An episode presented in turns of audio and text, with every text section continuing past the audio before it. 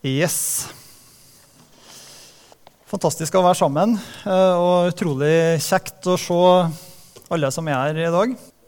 Det er en høydare å være på hver gudstjeneste her, så det er veldig, veldig kjekt å være sammen. Og eh, glad for å få muligheten til å dele Guds ord med dere. og Jeg håper jeg skal få nåde til å formidle noe, noe fra Gud eh, til dere i dag. Som jeg opplever Gud har lagt litt på hjertet mitt ja, tida før jul, og som har jobba litt i meg noen måneder. Så Navnet mitt er Arne Olav Rød, for dere som ikke kjenner meg. Jeg har vært med her i menigheten siden oppstarten. Eh, og ja, jeg er ganske ofte oppe på skolegruppa her òg, men i dag så har jeg og Håvard bytta litt eh, rom. da. så det er bra. Dagens overskrift eh, for, eh, for, den forkynnelsen som jeg skal ha for dere, det ser dere på skjermen. Det er å vandre for Guds ansikt, som er på en måte overskrifta for dagen i dag. Og eh, La meg begynne med å fortelle en liten eh, historie fra uh, min hverdag. Eh, jeg, jo, jeg, jobber i kristent nettverk til vanlig, og så er jeg jo fotballtrener på fritida for gutta boys.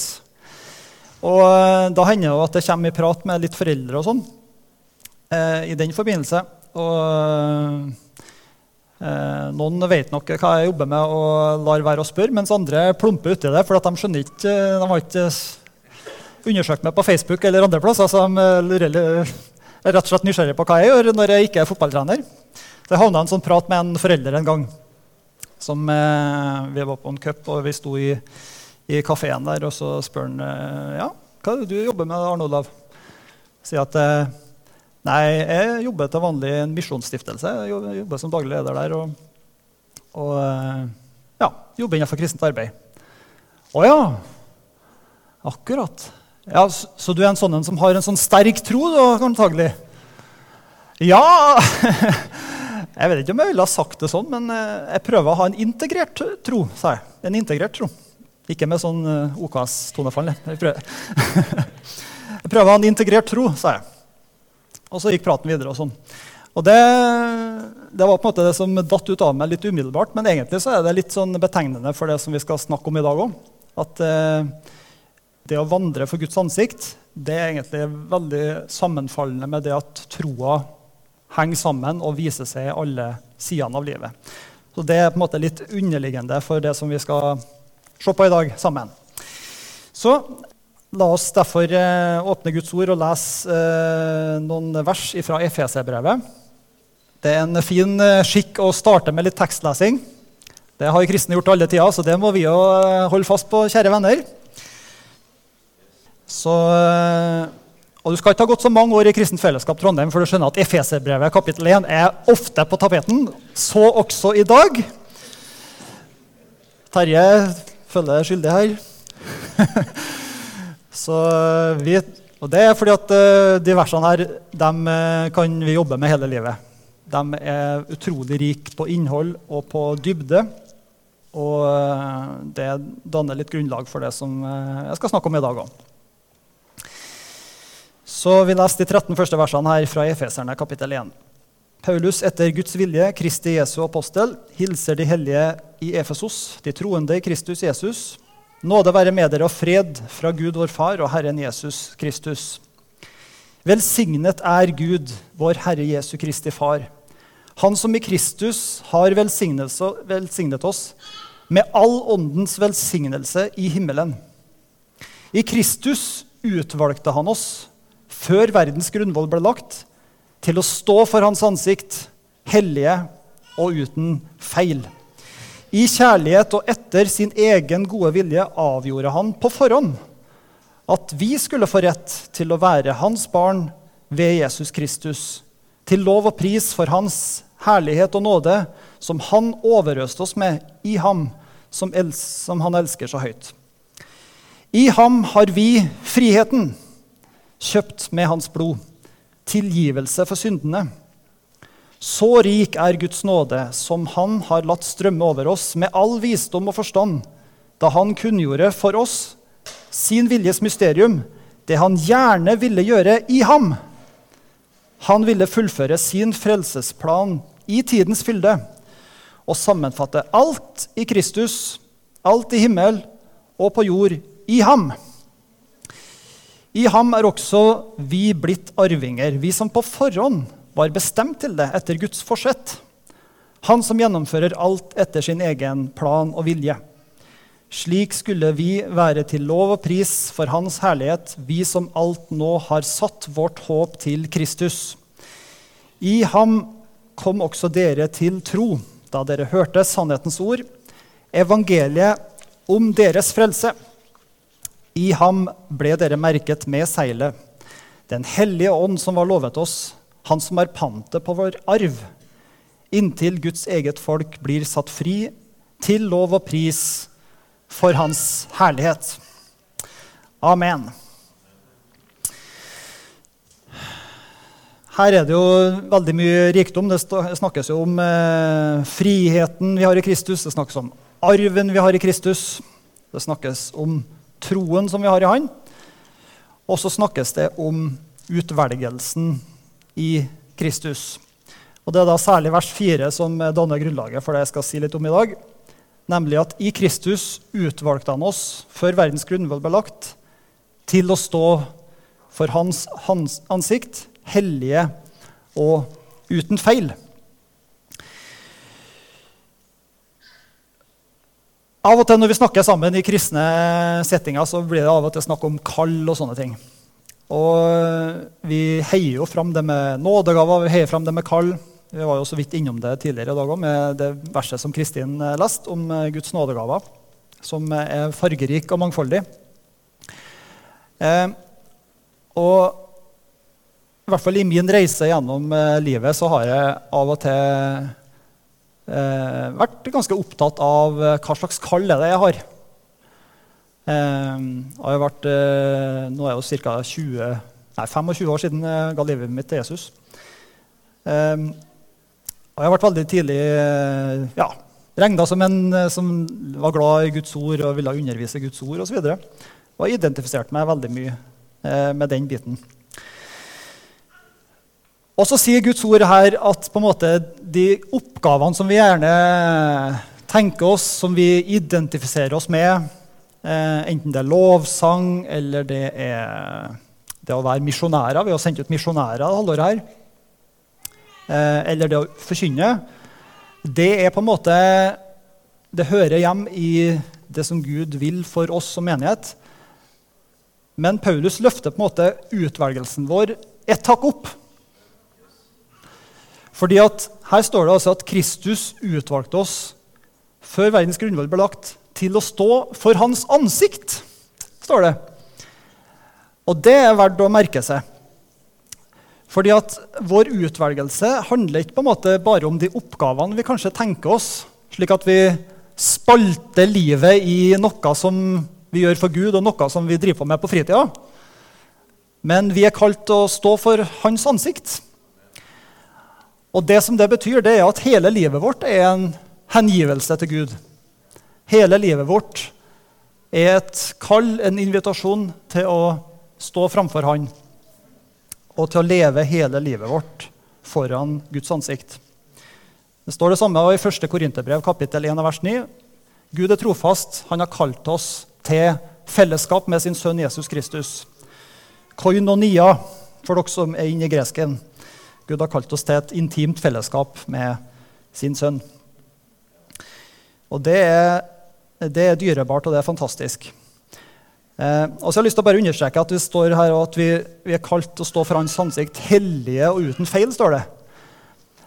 Og jeg, jeg, tror de fleste av oss, i hvert fall hvis vi ser oss selv i speilet og bruker noen sekunder på å tenke gjennom livet, skjønner at det er umulig å nå opp til det her i seg sjøl. Jeg i hvert fall eh, har erkjent at jeg er ikke, jeg er ikke hellig og uten feil i meg sjøl. Eh, for hvis eh, jeg slipper til tanken om at Gud har sett hele livet mitt, så vet jeg at det er episoder der jeg gjerne skulle ha vært foruten. Og det gjelder oss alle. Og det er jo det som er det fantastiske med evangeliet, og som vi hører i Ragnhild sitt vitnesbyrd i dag, og som vi hører i invitasjonen som Terje gir, at invitasjonen til å stå foran Guds ansikt det handler ikke om hva vi har gjort i livet, men det handler om at Gud elsker oss, at Gud er nådig, at Gud i kjærlighet og etter sin egen gode vilje avgjorde han på forhånd at vi skulle få rett til å være hans barn Jesus Kristus. Du kan se for deg at du skal møte opp en sånn muntlig eksamen og er dritnervøs på hva sensoren kommer til å si.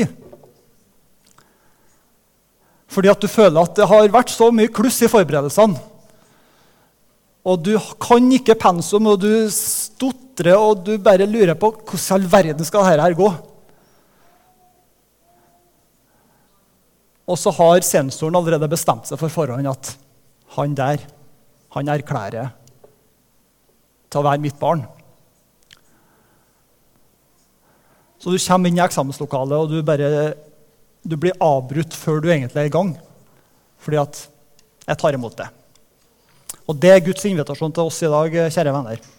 Sånn at eh, Jeg har lyst til å bare følge opp det som Ragnhild sier, at hvis noen ønsker å bli bedt for og, og eh, ønsker å, å, komme til, til en oppgjort sak med Gud, så, så vil vi være med og be for det etterpå flere av oss. Bare så det er sagt. Ok. Så Gud altså kalt oss til å stå for hans ansikt. Og Et sånn eh, tema innenfor apologitikk blant annet, det er jo at, eh, at noen syns liksom tanken om himmelen, der hvor eh, der hvor du kanskje ser for deg at du skal komme til himmelen etter du dør, og så er det det eneste du tror du har i vente, et eneste langt, uendelig lovsangsmøte. Og det, det, faktisk, det, høres litt rart ut, men det er faktisk et spørsmål innenfor apologetikken. Eh, hvordan eh, Har du egentlig lyst til å komme til himmelen? Fordi at eh, hvis det er bare lovsang hele tida, og det, du føler at du har, når du kjørt gjennom alle de sangene du kan i tolv timer, så skal du begynne på nytt igjen hvis det er de eh, forestillingene du har av hvordan det har kommet til himmelen, så er det noen som er litt ærlig med seg sjøl og tenker at jeg vet ikke om jeg har så lyst dit. Men det handler litt om, eh, om, at våre forestillinger om hva det vil si å stå foran Guds ansikt, er litt smal. rett og slett. Det er ikke et eneste langt lovsangsmøte. Det er fullbyrdelsen av hele din skapelse. Det er det beste jeg kan si om det. Det at det vi erfarer, og det vi har en forsmak på nå, det skal slå ut i full blomst. Det er det å stå foran Guds ansikt. Og, ja, så Vi er kalt til å stå foran Gud og, og på en måte leve med Guds nærvær i alle aspekter av livet. Um, og møte en Gud som er nådig, som lar sitt ansikt lyse over oss og være oss nådig, og som løfter sitt ansikt mot oss og gir oss sin fred. Og Eh, hele det her da, det er på en måte egentlig en veldig stor gjennomgangsmelodi i hele Bibelen. Jeg skal ta dere kjapt igjennom eh, i tilfelle det her er en litt sånn ny, ny, ting som dere kanskje ikke har hørt så mye om før. Så er det egentlig eh, noe som Bibelen snakker ganske mye om. Det med å leve for Guds ansikt. Det starter jo eh, på mange måter med, med Edens hage, hvor det står at Adam, eller Gud, Herren vandra i hagen. Står. Og noe av det første Adam gjør, er å gjemme seg for Gud. Og Gud spør hvor er du Vi har det allerede der. Det med å vandre med Herren. Og Så kommer vi til en som heter Enok, eller Henok, som det heter nå i de nye biblene. Som, eh, han eh, får det vitnesbyrdet at han vandra med Gud. Og så står det at enden på visa er at han ble rykka opp til Gud, og ingen fant han igjen. Så Gud tok han til seg. Som er et eksempel på vandringa med Gud, som er litt, eh, ja, litt ekstraordinært, kan vi vel si. Det er ikke så mange som har erfart det. Han har erfart. Og så kommer vi til Abraham, som er en av de store eh, nøkkelpersonene i Det gamle testamentet. Og eh, når han, eh, han, får jo flere møter med Gud hvor han eh, eh, blir lovt en løftesønn, og bl.a. i kapittel 17, hvor eh, Gud inngår pakt med Abraham, så, så innleder Gud hele den, det han sier med å si til Abraham, 'Jeg er Gud, den veldige, eller den allmektige. Lev for mitt ansikt. Vær hel i din ferd.' Og så snakker Gud videre ut fra det. Det er her vi har dere uttrykket El Shaddai, for dere som har eh, sunget lovsang siden 90-tallet. Rekk opp i hånd. El Shaddai. Det er jo hebraiske for 'jeg er Gud den veldige'. Og eh, Det er avleda av det hebraiske ordet 'shad', som betyr bryst. Så det egentlig, kan egentlig oversettes med at, eh, at, eh, Gud er på en måte den allmektige, den som er som eh, morsbrystet er til et spedbarn. Det er på en måte litt av det, det bildet rommet. da. Så 'jeg er Gud den veldige' det, det er jo litt vager, hvis vi skjønner. Men, det, men på hebraisk, da, det ordet 'shad', det, det har å gjøre med bryst. Og det er på mange måter et veldig fint bilde på, på hvordan det er å leve med Gud. fordi at Gud er alt vi trenger. Hans nåde, hans kraft, hans visdom, eh, alt det han tilveiebringer i våre liv, det er nok for oss. Og det gjør at eh, det som blir vår respons på det, handler om å være rett og slett leve for Guds ansikt. Vær hengiven eh, med blikket vendt mot Gud i alt som en eh, møter i livet og, og være hel i sin ferd, som handler om integritet og ydmykhet, som er et nøkkelord da, for å, eh, når vi vandrer for Guds ansikt. Og Det interessante med Abraham da, er at det foregår jo mye i Abraham sitt liv. Eh, han, eh, han, eh, reiser jo sammen med Lot, annet, og så blir det det der eh, at de eh, skal finne ut hvem som skal ha den beste jorda og den dårligste jorda osv. Og, så og Abraham i forbønn for Sodoma og Gomorra, så han er jo involvert i en eh, ganske heftig eh, seanse der hvor Sodoma og Gomorra blir dømt. Så reiser han jo til eh, videre så møter han Abimelek, hvor han eh, blir så redd for at, at de syns Sara er så, er så, pen å se på at han skal bli knerta. Så han sier at 'det er broren'. Det er broren. Og ender enden på vise at han må innrømme at han eh, lurte Abimelek, som dere husker, kanskje? Dere som har lest det. Eh, han må megle mellom eh, Sara og Hagar. Så det å ha flere damer, det, det er ikke bare enkelt. Det kan Abraham skrive under på. Han kjøper jordstykket til Efron for å gravlegge Sara og, så videre, og skaffe Isak ei kone. Så det skjer jo mye i Abraham sitt liv. Men når han tjeneste Eh, han, eh, han, som reiser for å hente en kone til Isak. Når han skal oppsummere Abraham sitt liv i kapittel 24, så, han, så sitter, gjengir han det Abraham har sagt. og han, Abraham sier at For Herren har jeg levd, sier han i kapittel 24, vers 40. Så det betyr jo at når Abraham oppsummerer sitt liv mot slutten og sier at 'jeg har levd for Herren', jeg har levd for Herrens ansikt, så betyr det at det er ikke noe motsetningsforhold mellom at en er tungt involvert i, i, det å bygge opp et hverdagsliv da, i, i Kanan, samtidig som at alt gjøres foran Guds ansikt. Og eh, Abraham søkte alltid Herren i det han møtte i livet, og søkte å leve med integritet. Vil si at når han eh, løy for Abimelek, så gjorde han opp for seg etterpå. Vi kan gå videre. Vi har David. Han eh, kjennes, kjennetegnes jo av å være en mann etter Guds hjerte. Skrev masse salmer osv. Og, og han har òg det temaet med det å leve for Guds ansikt som en del av salmene. Eh, salme 4, f.eks., så sier David.: Hvem kan gi oss lykke? La lyset fra ditt ansikt skinne over oss, Herre. Du gir meg større glede i hjertet enn andre får av korn og vin i overflod. Salme 11. Rettferdig er Herren, han elsker rettferdige gjerninger. De oppriktige får se hans ansikt. Salme 17. Men frikjent skal jeg få se ditt ansikt. Når jeg våkner, skal jeg mettes av synet av deg. Og Salme 56. Jeg bare tar det kjapt her nå. Dere får høre på lydopptaket hvis det går litt fort. For du har berget mitt liv fra døden, så jeg kan vandre for Guds ansikt i livets lys. Så for David òg var det der med å leve for Guds ansikt en kilde både til lykke og til frihet og til ekte liv. Det var noe han kunne gå til hver dag for å hente den styrken han trengte til å stå i, i livet. Og få hjelp til å leve med integritet i alt han møtte i livet. Vi kan gå videre. Eh, jeg skal ikke ta hele Gammeltestamentet, men vi tar et par til. Vi har Daniel. Daniels bok. Han var jo i eksil i, i Babylon. og eh, Det foregår jo mye i Daniel sitt eh, liv, da, men i kapittel 6, hvor historien om Daniel i løvehulen er skrevet, så er det en liten, men ganske interessant detalj i hans historie. Vi bare tar med oss den.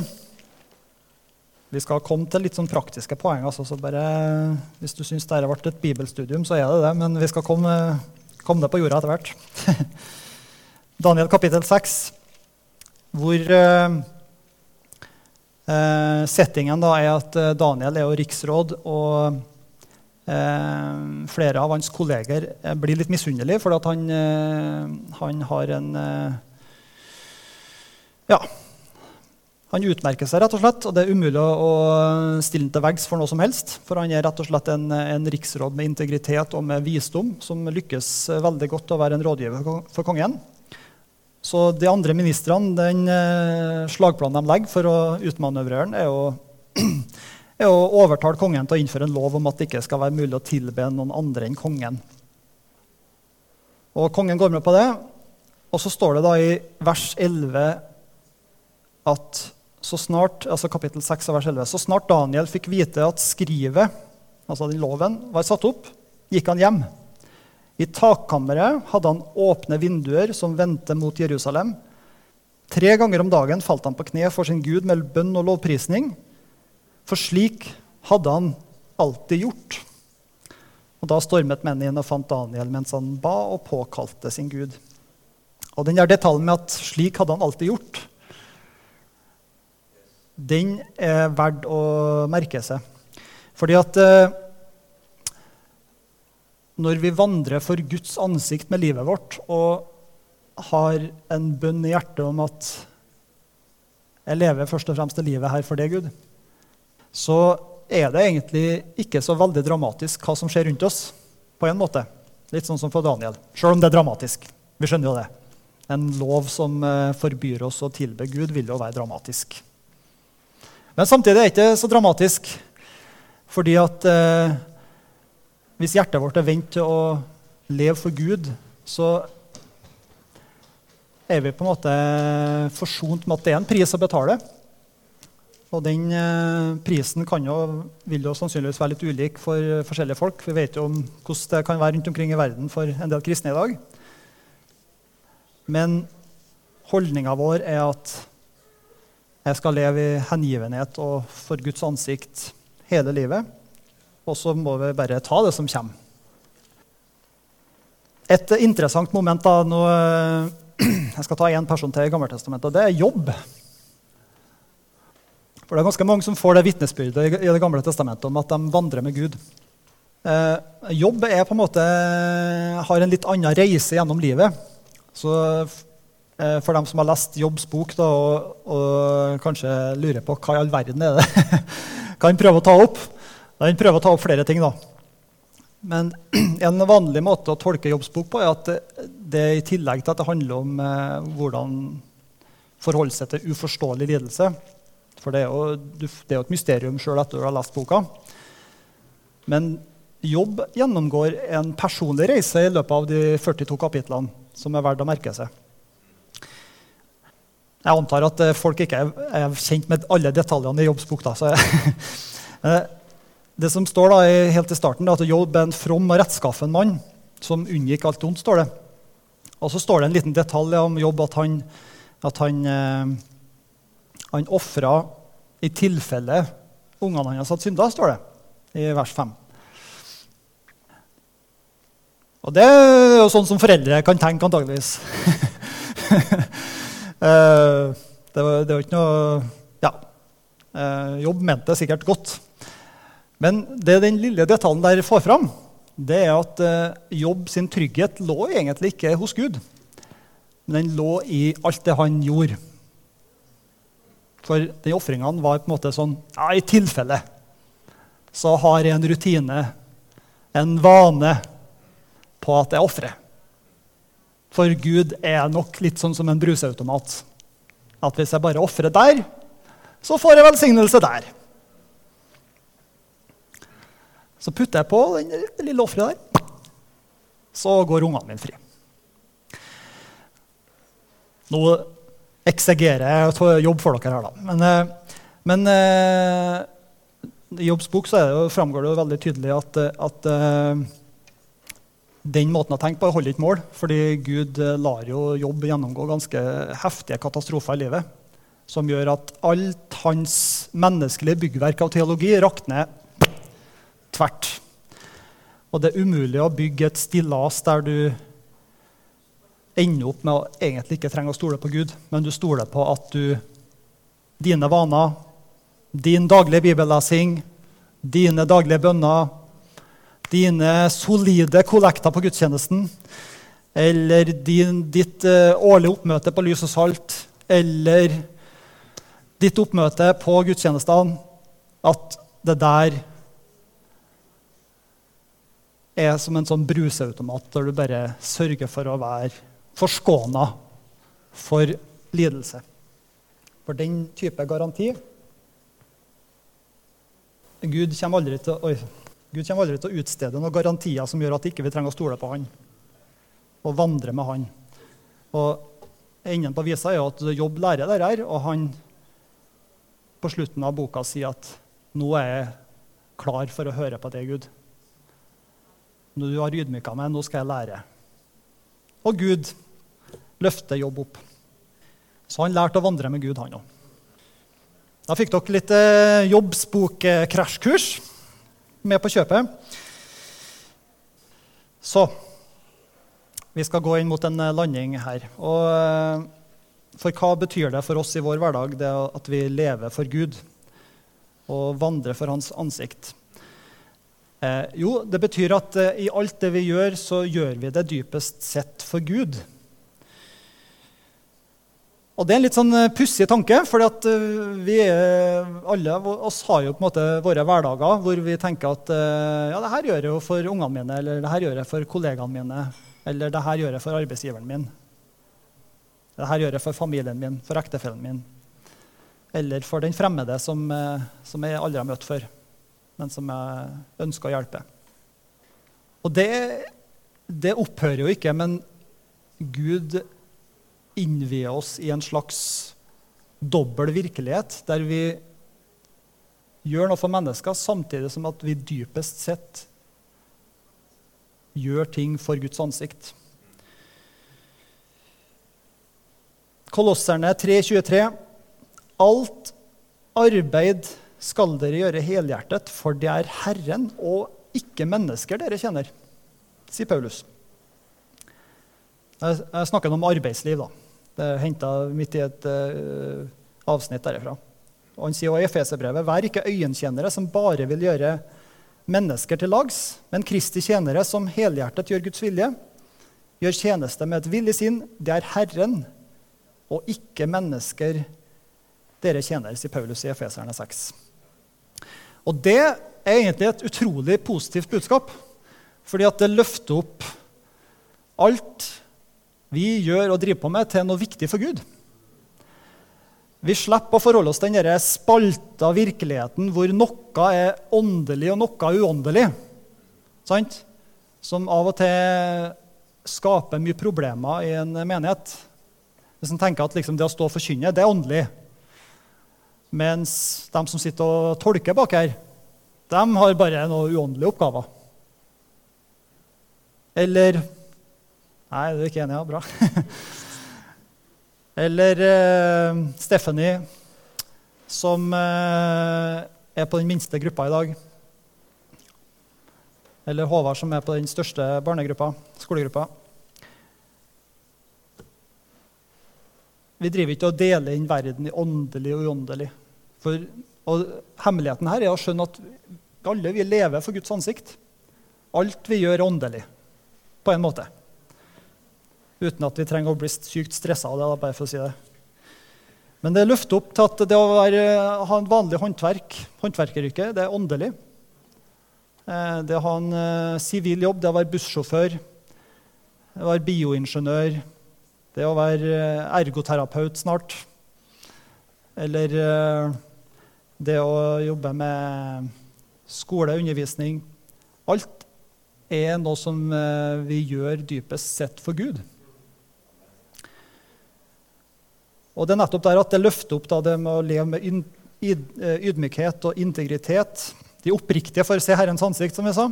Det er viktig.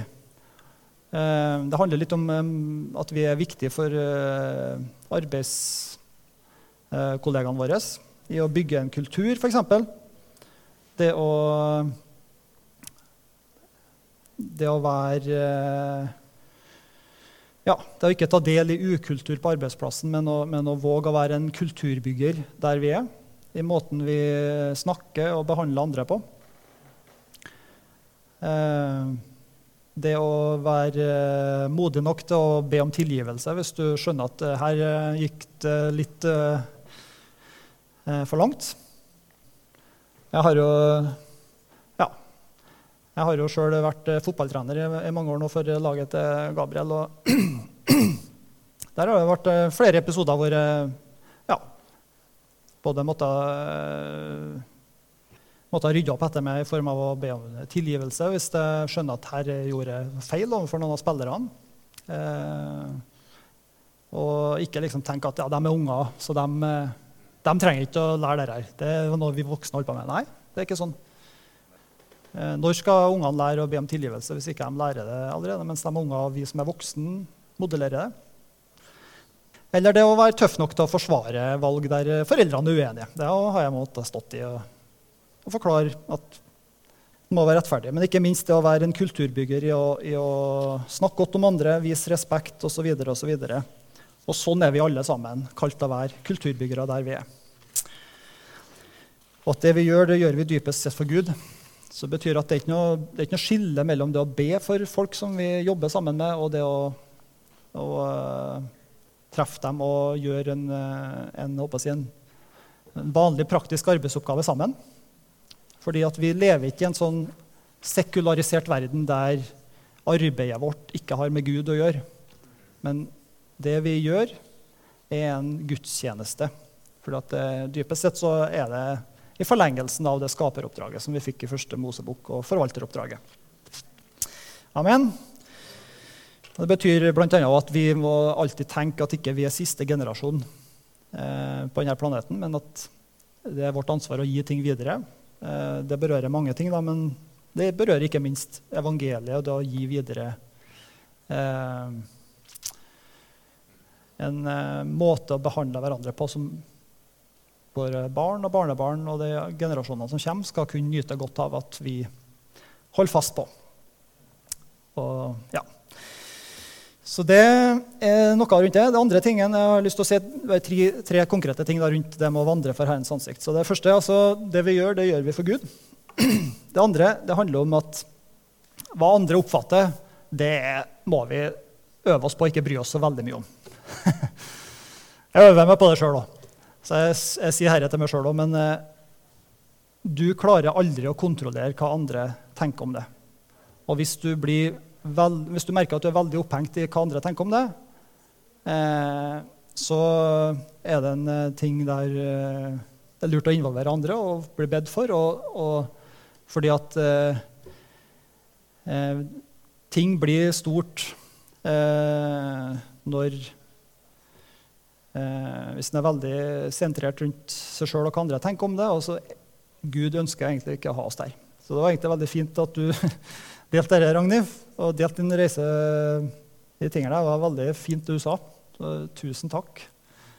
Eh, og jeg har kunnet hatt det samme vitnesbyrdet på mange måter eh, gjennom livet òg. Og Jesus også lærer oss å, å ikke være altfor opphengt i tingene der. Han uh, sier bl.a.: Pass på, eller pass dere for å gjøre gode gjerninger for øynene på folk, for å bli sett av dem. Da får dere ingen lønn i himmelen hos deres far. Og så sier han samme om det å be òg. Ikke sant? Ikke be bønner for syns skyld, for at andre skal bli imponert. Eh, Og det er egentlig, jeg synes det er ufattelig kult at Jesus eh, drar opp de tingene der. For da, han hadde ikke trengt å gjort det. på en måte. Men det, når han først sier det, så er det en utrolig god hjelp for oss i å tenke at hva er motivene våre for å gjøre ting? Vi kan jo fort havne i en sånn kultur der den ene bønna blir mer imponerende enn den andre, og til slutt så har ingen frimodighet lenger til å be, for det er ingen som klarer å toppe han som er best på å be. og folkens, sånn kan vi ha det. sant? Og jeg setter sånn pris på alle som ber eh, bønner med et oppriktig hjerte, enten de er kort eller lang. Jeg er kjempeglad for lange bønner, jeg er kjempeglad for korte bønner. Jeg blir utrolig oppmuntra overalt. Eh, men først og fremst så er jeg oppmuntra hvis vi klarer å venne oss til Gud og ikke liksom være så fryktelig opphengt i hva tenker andre. Sant? Hva tenker andre om jeg ber på soktendalsdialekt? og skjønner bare halvparten? Nei, det er ikke så farlig. Og På en måte så ligger det et løfte i at, uh, at kan, uh, du bygger opp et slags hemmelig skattkammer da, hvis du gjør gode ting uten at noen andre vet om det. For Da står det faktisk at Gud altså, at da får vi lønn hos uh, far. sånn at det er å bygge opp et sånn hemmelig arkiv av uh, gode gjerninger som ingen andre vet om, det er egentlig ikke så veldig dumt. Og så egentlig litt sånn, Jeg syns det er egentlig litt bra hvis kristne ikke driver og poserer så fryktelig mye på Instagram om nå har jeg vært der og gitt og gjort noe skikkelig godt her. Så nå må jeg legge ut det på sosiale medier. Det er egentlig fint å tenke på alle de som ikke gjør det. Tenker at uh, Da er nok motivene uh, mer i tråd med det Jesus ber oss om. Så er ikke noe galt hvis du har gjort det. altså. Det var ikke sånn, Men uh, forstå meg rett. Og sånn gjelder egentlig alt i livet. Enten vi, det går godt at vi får skryt, vi får anerkjennelse, vi får ære fra mennesker, så er jo det, det er hyggelig. Det er ikke noe galt i det, men pass på at ikke det bergtar hjertet ditt. Lev for Herrens ansikt. Fordi at eh, neste uke kan det være helt motsatt. Bare se på Jesus og påskeuka. Han ble hylla på palmesøndag, og, og, og eh, folkemengden på skjærtorsdag ropte jo 'korsfest'. Samme folkene. Så det å, å gjøre liksom andre sine meninger og oppfatninger til noe veldig viktig i livet, det er, det er oppskrifta på et litt sånn stressende liv, rett og slett. Og det ønsker jeg ikke for noen av oss som er her. Det samme hvis vi blir urettferdig behandla. Eh, enten det handler om at vi er kristne, eller at vi bare rett og slett blir urettferdig behandla. Så der òg trenger vi å gå med Gud, gi det til Han, og ikke begynne å og skal hevne oss og gjøre opp på egen måte. fordi at eh, det avler bare mer hevn og mer vold, og ikke ære det Jesus Kristus heller. Amen. Så siste jeg har lyst til å bare si bitte litt om, da, for det henger sammen med det å leve for Herrens ansikt, leve vendt mot Gud med alt vi er, og hele livet vårt. Det er det et aspekt av samvittighet og jeg er så glad at uh, Terje som sitter i salen her, har snakka om det med samvittighet i mange år blant oss. Fordi at uh, det er helt åpenbart at det er en viktig side, og det er noe som ligger i oss alle mennesker. At vi har en samvittighet, og som uh, er noe Gud har skapt oss med for å hjelpe oss til å bli integrert. Så jeg bare leser et sitat fra Paulus her når han har en uh, forsvarstale. Eh, det er vel overfor kong Agrippa, så vidt jeg husker. Uh, for jeg tror alt som er skrevet i loven og profeten, og jeg har det samme håpet til Gud som disse har, at rettferdig og urettferdig en gang skal stå opp fra de døde. Derfor bestreber jeg meg på alltid å ha en ren samvittighet for Gud og mennesker.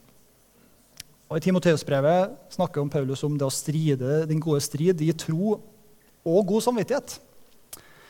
Så eh, Dette er jo et stort tema. Jeg skal ikke bruke så Vi kunne ha snakka om det hele, en hel gudstjeneste i seg sjøl, men jeg har bare lyst til å nevne det med den samvittigheten. At den er, den er dyrebar for oss. Det er på en måte den som er vår eh, senteret for vår respons Der hvor eh, Gud på ei side forkynner ordet, lar, ordet, lar Guds ord høres, og så tar vi imot det i tro, og så integrerer vi det slik at i samvittigheten vår så ønsker vi å følge Gud og respondere på det som er overbevisninga vår òg, som vi har gjort til vår. Og Det betyr bl.a. at når samvittigheten vår forteller oss at vi trenger å gjøre opp med noen, så, så er det viktig å lytte til den samvittigheten. Og det å ren samvittighet overfor Gud, at hvis en vet en har eh, gjort noe som en må gjøre opp enten med Gud eller med andre, så er det viktig å lytte til samvittighetens stemme der, for den er på en måte det kompasset som Gud har gitt oss for å navigere oss gjennom livet og kunne gjøre opp. Og når vi forkynner Guds ord, så er det alltid med et sikte på at eh, at eh, vi i vår samvittighet skal si ja og amen til det som forkynnes. Det er derfor vi, vi tvinger ingen til å bli døpt, men vi forkynner dåp. Og så er dåpen en samvittighetspakt med Gud. Sånn at når du lar deg døpe, så er det ut fra at du skal få god samvittighet til å begrave det gamle og reise opp det nye. Og ta imot at det her gjør jeg for å øve meg på å følge samvittigheten det samme med nattverd. Det er et samvittighetsspørsmål. Vi skal prøve oss sjøl. Vi må lytte til samvittigheten. Er det noe jeg trenger å gjøre opp med noen? Og hvis jeg har noe jeg må gjøre opp, så gjør jeg det. Og så kan jeg delta i nattverden med god samvittighet. Og Det samme med, med alle spørsmål rundt de tingene der. Hodedekk og det samme. Det er et samvittighetsspørsmål. Eh, det handler aldri om tvang eller hva andre mener og ikke mener. Det er et samvittighetsspørsmål overfor Gud og en respons på det som Gud sier. Og En god venn av meg sa en gang at uh, du må leve sånn at du alltid kan legge deg og sove med god samvittighet. Og En gang så ble jeg oppringt av en venn som hadde bare behov for å debrife litt før han skulle legge seg og sove. og jeg synes det egentlig var litt sånn sterkt. Han hadde behov for å lette hjertet sitt og debrife det som tynga samvittigheten. Så, ja, så Det var litt sånn kort om samvittighet. Det er mye mer å si om det her, da, men, eh, men, eh, det å vandre for Herrens ansikt og det å leve med en integrert tro, som jeg ramla ut av meg når jeg snakka med han, han fotballpappaen, det er noe som er dyrebart for oss, og dette er noe vi gjør uh, sammen. Uh, bare si det helt til slutt at uh, det å leve for Guds ansikt er ikke noe sånt soloprosjekt der hvor vi skal være flinke og fikse alt sjøl, men det er nettopp i den settingen at at det med husgruppeliv og det med å leve som disipler, det å snakke sammen, det å være involvert og trygg på at vi kan eh, snakke med hverandre om ting som eh, tynger hjertet vårt, eller vi trenger å be sammen eller bekjenne for hverandre sammen, det er nettopp i den settingen at vi, vi som menighet heier fram det med husgruppeliv og, og det å leve sammen. Nettopp fordi at det er så dyrebart å kunne leve for Herrens ansikt og det å kunne stå med, med ren samvittighet for Gud og mennesker og få retta opp i ting som, som uh, skjer i vår vei. Ja.